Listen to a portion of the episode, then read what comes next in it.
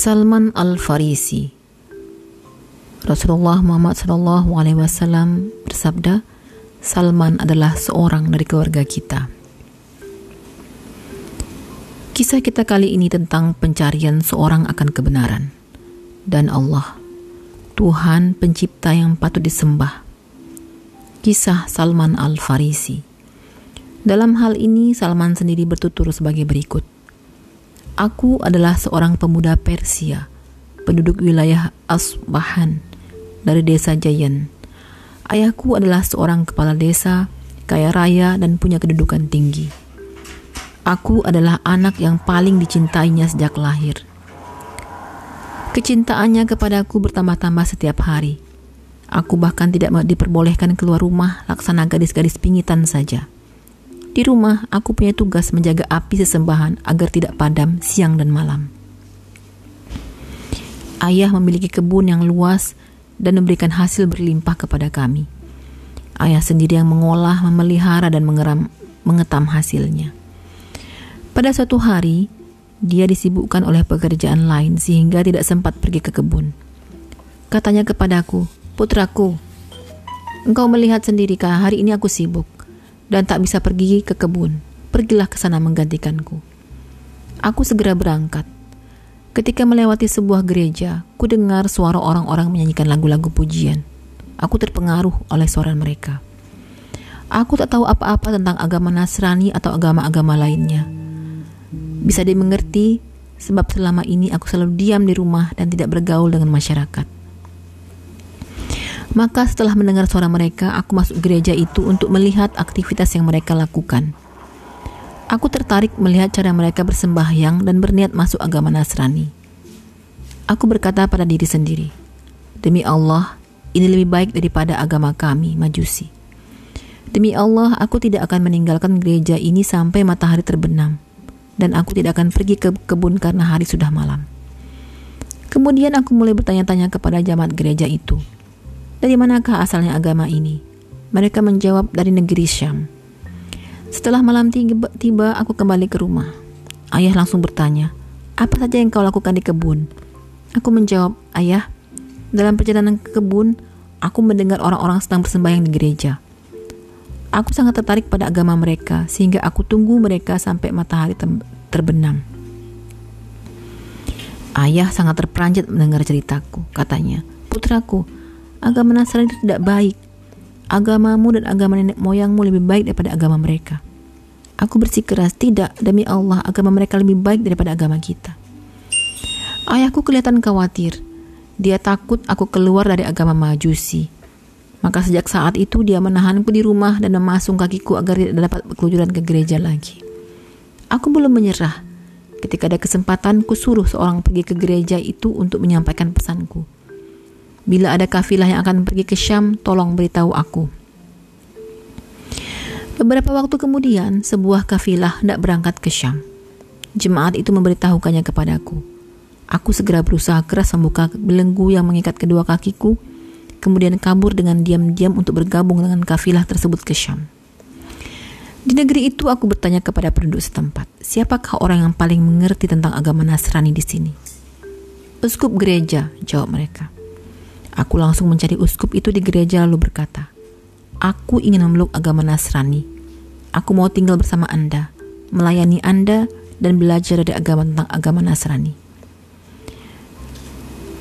Belajar dari Anda tentang agama Nasrani, serta bersembahyang bersama Anda. Baiklah, jawab uskup itu. Sejak itu aku tinggal bersamanya dan melayani kebutuhan-kebutuhannya. Belakangan baru aku ketahui bahwa uskup itu tidak baik.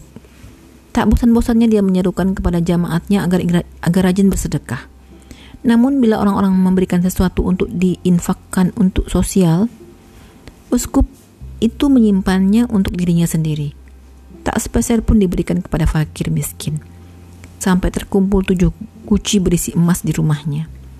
Aku benci uskup itu karena perbuatannya. Tak lama kemudian dia meninggal. Para anggota jemaatnya berkumpul untuk menyelenggarakan upacara pemakaman. Kukatakan kepada mereka bahwa uskup itu tidak baik. Dia menyerukan untuk bersedekah untuk kebaikan, tetapi sesungguhnya dia mengharapkan sedekah itu untuk dirinya sendiri. Orang-orang tak percaya. Mereka bertanya, dari mana engkau tahu? Ku jawab, aku bisa tunjukkan kepada kalian tempat dia menyimpan hartanya. Iya, kata mereka beramai-ramai. Tunjukkan kepada kami. Kutunjukkan tempatnya, dari mana mereka mengeluarkan tujuh guci penuh berisi emas dan perak. Melihat itu mereka berteriak marah. Demi Allah, kita tak perlu mengadakan upacara pemakaman untuknya. Mereka menyalip mayat uskup itu lalu melemparnya dengan batu sampai puas. Uskup baru diangkat sebagai pengganti. Aku pun tinggal bersamanya. Kudapati dia seorang uskup yang baik dan tak mementingkan kemewahan duniawi. Lagi pula sangat tekun beribadah siang malam. Aku sangat mencintainya. Namun beberapa waktu kemudian uskup yang baik itu meninggal dunia. Pada saat-saat terakhirnya aku sempat bertanya, Bapak, dengan siapa aku mesti tinggal setelah Anda wafat? Dia menjawab, Anakku, aku tidak mengenal seseorang yang seperti kita, kecuali seorang uskup di Mosul. Ia adalah seorang yang tidak menyelewengkan ajaran agamanya. Pergilah menemuinya. Setelah mengurus pemakamannya, aku berangkat ke Mosul. Kepada uskup yang dimaksud, aku menceritakan kisahku. Uskup Fulan sebelum meninggalnya berpesan agar aku menemui Anda. Katanya Anda adalah orang yang berpegang teguh pada kebenaran. Maka dari itu aku ingin berada di sisi Anda. Dia menjawab, tinggallah bersama aku di sini. Aku tinggal bersamanya. Kudapati dia seorang uskup yang baik. Tetapi tidak lama ia pun meninggal dunia. Untunglah aku sempat bicara padanya. Bapak, Anda sedang menghadapi ketetapan Allah yang juga dihadapi semua makhluk. Anda tahu persoalanku, maka dengan siapa aku mesti tinggal setelah ini? Dia berkata, anakku, Demi Allah, aku tak mengetahui seseorang yang berpegang teguh pada agama seperti ini kecuali uskup di nasib, Nasibin. Pergilah kepadanya. Setelah uskup itu dikebumikan, aku berangkat ke Nasibin. Mendengar penuturanku, uskup Nasibin berkata, tinggallah bersamaku di sini. Aku tinggal bersamanya. Dia orang yang baik seperti kedua uskup yang kujumpai sebelumnya. Ketika dia hendak meninggal dunia, aku bertanya, Bapak, anda tahu masalahku, jadi katakanlah dengan siapa aku harus tinggal setelah ini. Dia menjawab, Anakku, demi Allah, aku tak mengenal orang yang tetap berpegang teguh pada agama seperti kita kecuali uskup Fulan di Ma di Makmuriyah. Carilah dia, engkau bisa tinggal bersamanya. Aku berangkat ke Makmuriyah mencari uskup yang dimaksud. Kepadanya aku ceritakan riwayat perjalananku dan dia bertanya. Dan dia bertanya, berkata, "Tinggallah bersamaku di sini." Uskup itu baik seperti para sahabatnya yang lain yang pernah kuikuti. Darinya aku memperoleh santunan berupa lembu dan kambing. Tak lama dia pun meninggal dunia. Seperti kepada sahabat-sahabatnya sebelum dia meninggal aku menanyakan hal yang sama. Dia menjawab, Anakku, demi Allah, di muka bumi ini tak ada orang yang ku ketahui berpegang pada agama Allah seperti kita. Tapi sudah dekat waktunya akan muncul dari wilayah Arab seorang nabi yang, yang diutus Allah membawa agama Ibrahim. Dia pindah dari tempat asalnya ke suatu tempat yang banyak ditumbuhi pohon kurma. Di antara dua tempat yang ada batu hitamnya yang keras. Dia punya tanda-tanda yang mudah diketahui. Mau makan hadiah yang diberikan kepadanya tetapi menolak makan sedekah. Di antara kedua bahunya ada tanda nubuah. Bila engkau bisa mencapai tempat itu, pergilah ke sana dan tinggallah bersama Nabi itu. Tak lama setelah itu, uskup tersebut wafat. Sampai beberapa waktu lamanya aku tetap tinggal di Makmuriyah. Suatu saat datang beberapa pedagang Arab dari Bani Kaib, Kaib di Makmuriyah. Aku segera menemui mereka seraya bertanya, Bila kalian mengizinkan aku ikut ke Arab, maka akan kuberikan lembu dan kambingku kepada kalian sebagai imbalan. Mereka menyetujui penawaranku. Jadi kuserahkan lembu-lembu dan kambing-kambingku, kemudian kami berangkat sampai di kemudian kami berangkat.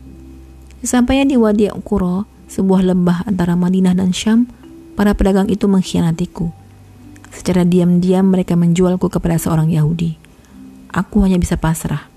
Sejak itu aku bekerja di kebun sebagai budak Yahudi itu.